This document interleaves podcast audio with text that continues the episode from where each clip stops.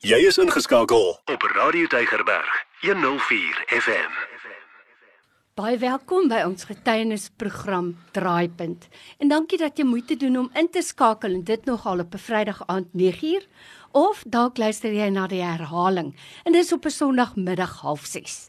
Ek is Lorraine Katskin, dis vir my voorreg om weekliks met jou iemand se verhaal te deel.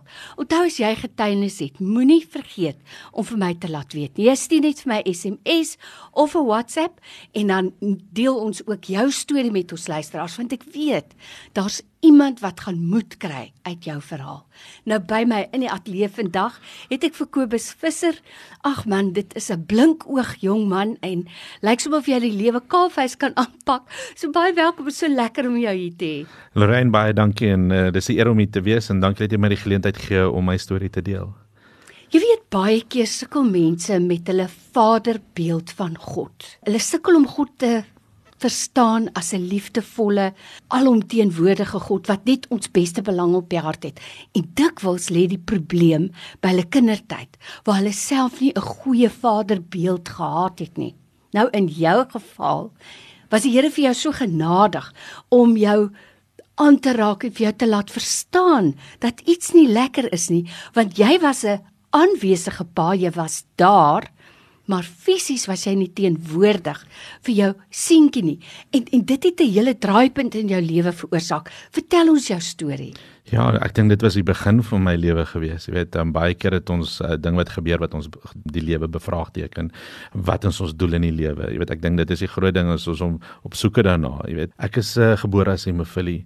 Uh, wat beteken is 'n bloeier wat my bloed stol nie. So ek moet inspuitings vir my gee met 'n plasma om my te help om my bloed te stol. So my eerste laaitie is gebore en ek kom by die hospitaal en ek kan hom nie optel nie. Ek kan hom nie vashou nie. Um, jy weet as alhoewel ek hom kon vashou is om op die bed te lê en hom vas te hou. Ek Was dit weens pyn? Dit was weens pyn. Jy weet my elmboog soos uh, jy nou jy kan nou sien. Mm. Ek het nie muscles nie, my gewrigte is is disvorm. En so net die beweging is pynlik. Uh, jy weet ek staan in die oggend op in pyn en ek weet nooit wat was die impak daarvan gewees nie. En toe my tweede seentjie op pad is, onthou geweet is 'n seentjie nie. Teken my uh, oudste laaitjie uh, 'n uh, prentjie met uh, twee babatjies en hy het 'n kruis oor die een en hy sê pappa, ek wil graag 'n boetie hê nie as is nie wat met my kan speel want pappa kan nie. Sjoe, hoe oud was hy toe? Hy was 4 jaar oud gewees. Sjoe. En toe hy by my kom met ek 'n kruisie hoor en hy sê pappa is dood vir my. Wat 4 jaar oud. Jy weet ek ek sê iemand wat sê ek is lief vir jou en ek het altyd vir hom gesê ek is lief vir hom en ek is daar maar binnekant het hy dit nie ervaar nie. En ek, ek dink ons moet besef almal is anderste aan mekaar hmm. gesit. Jy weet party wil dit hoor, party wil dit voel, party wil dit sien. En al het ek dit gesê, het hy dit nie gevoel nie. En in hierdie reis van my lewe het ek op afgekom om die krag van 'n drukkie te gee koneksie. En ek leer toe die drukkie en ek begin dit toe toepas met my seun wat hy toe 'n paar jaar later sê pappa lewe vir my. Jy weet die drukkie is ek dink is om op stil te raak saam met iemand. Eerstens is om oogkontak te maak om te sien ek sien jou. Ek weet ek sien jou raak vir regtig vir wie jy is sonder woorde te sê. Jy weet ons ons het jy weet die oë is die vensters van jou siel. Mm. So baie keer is net om vir mekaar te kyk en in die tweede stap is ek sê is hart tot hart drukkie te gee. En dan wanneer jy mekaar druk om te forceer om bietjie vas te hou is om saam in asem te haal en uithaal en net vir daai oomblik stil te raak. Jy weet, ek weet vir baie daar buite is dit moeilik om 'n drukkie te gee. Maar weet jy wat, dit gaan nie oor jou nie. Dit gaan oor die persoon vir wie jy dit gee. Het dit dalk meer nodig as wat jy dink. By my in die ateljee vandag het ek vir Kobus Visser. Kobus, jou verhaal het my so aangegryp om te dink dat 'n kind van 4 al die insig het om te weet daar's iets wat nie daar is nie. En ek dank die Here dat jy betyds daaraan kon werk. Nou jy weet, dis waar wat jy sê, mense kan sê ek het jou lief. Maar as 'n mens nie dit fisies voel nie of in 'n manier sien nie, dan kan 'n mens dalk aan jou realiteit begin twyfel. Nou ek besef dat dit vir jou moeilik was om 'n drukkie te gee. Het jy besef dat dit die impak is wat dit op 'n kind het wat nie die woorde hoor maar nooit die fisiese aanraking voel nie? Ek het nooit geweet nie tot ek dit uh, ervaar het nie. Hoe voel 'n mens as jy so prentjies sien? Ehm um, dit my hart gebreek. Dit het my hmm. die lewe begin bevraagteken. Dit het my en probeer sê maar dit verstaan hoe is dit moontlik, jy weet? En toe kyk ek na my eie verhouding met my pa, jy weet.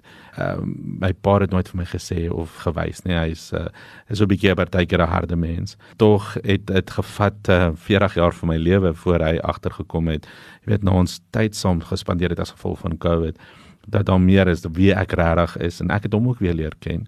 En hy het ook vir die eerste keer in sy hele lewe vir my gesê hy is lief vir my ek wil, ek was weer 'n persoon ek wil dit hoor jy weet. Hy het dit vir my gewys deur vir my 'n goeie lewe te gee maar dit nooit vir my gesê nie en ek wil dit hoor. En ek dink dis die groot ding is ons moet mekaar leer ken want ons almal het 'n sekere liefdestaal. En is hoe kan ek my kind of my pa se liefdestaal praat? Dis so waar. Nou Kobus jou God beeld Hoe het dit verander nadat jou verhouding met jou pa herstel het? Want jy weet God kies in sy woord om hom aan ons te openbaar as 'n Vader. So as daai beeld nie so lekker is nie, dan moet dit ook vir 'n mens moeilik wees om te verstaan. So het jou godsbeeld verander nadat jy jou verhouding met jou seun herstel het of nadat dit met jou pa herstel het?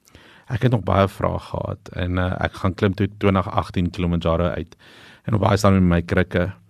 En vir min mense om te weet net voordat dit ek deurgegaan geskei en my vrou en my pa en ek het alles verloor. En ek het eintlik gegaan om om dood te gaan op die berg. Um, ek wou my lewe gaan opgee het. Ek is nie, jy weet, ek het altyd iets siektes gekry op die berg. En terwyl ek daar sit in die son opkom kyk, um, sê ek vir die Here kom haal my. Ek is dan, jy weet, ek kan nie meer lewe nie. En uh ja, hy wou my nie hê nie. hy het eintlik eintlik is ek dood op die berg. Hy, ja, ja. ek is gereboor, oh, gereborn oh. in die oh, daar man. en ek het teruggekom. En omdat ek nie uh, heeltemal afkom nie, is my liggaam te besig om in te gee en ek tog ek gaan dood. En tog besluit die Here, hy stuur al sy engele op en dit is al die potters. Hulle gaan my nie laat doodgaan nie. En hulle kom op en hulle dra my af.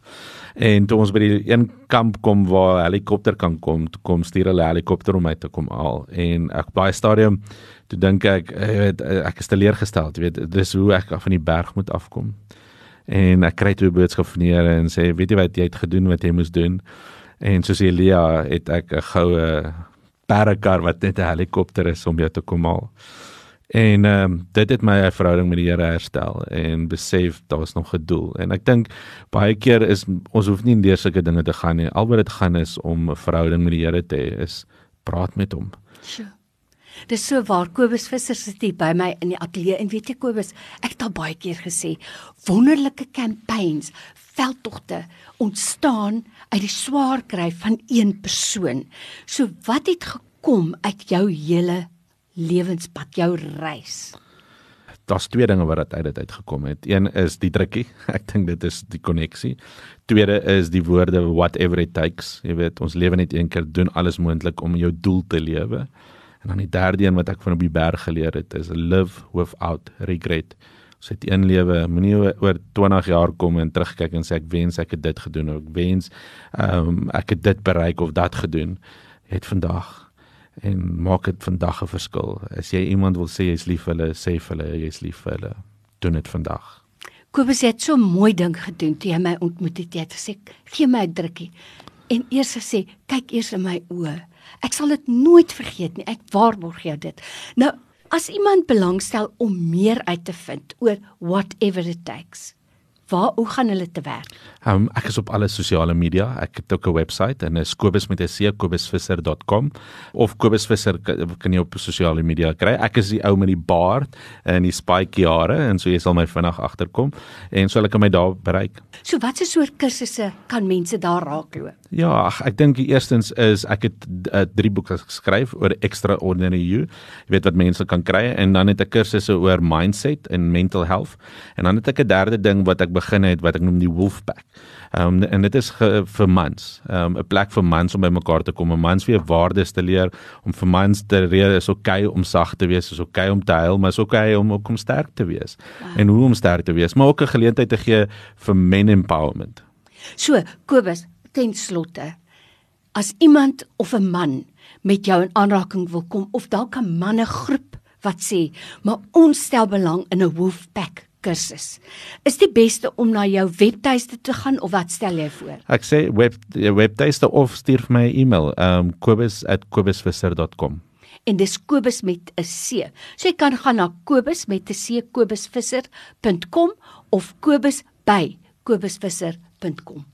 Sjoe, vir jou tyd vandag baie dankie.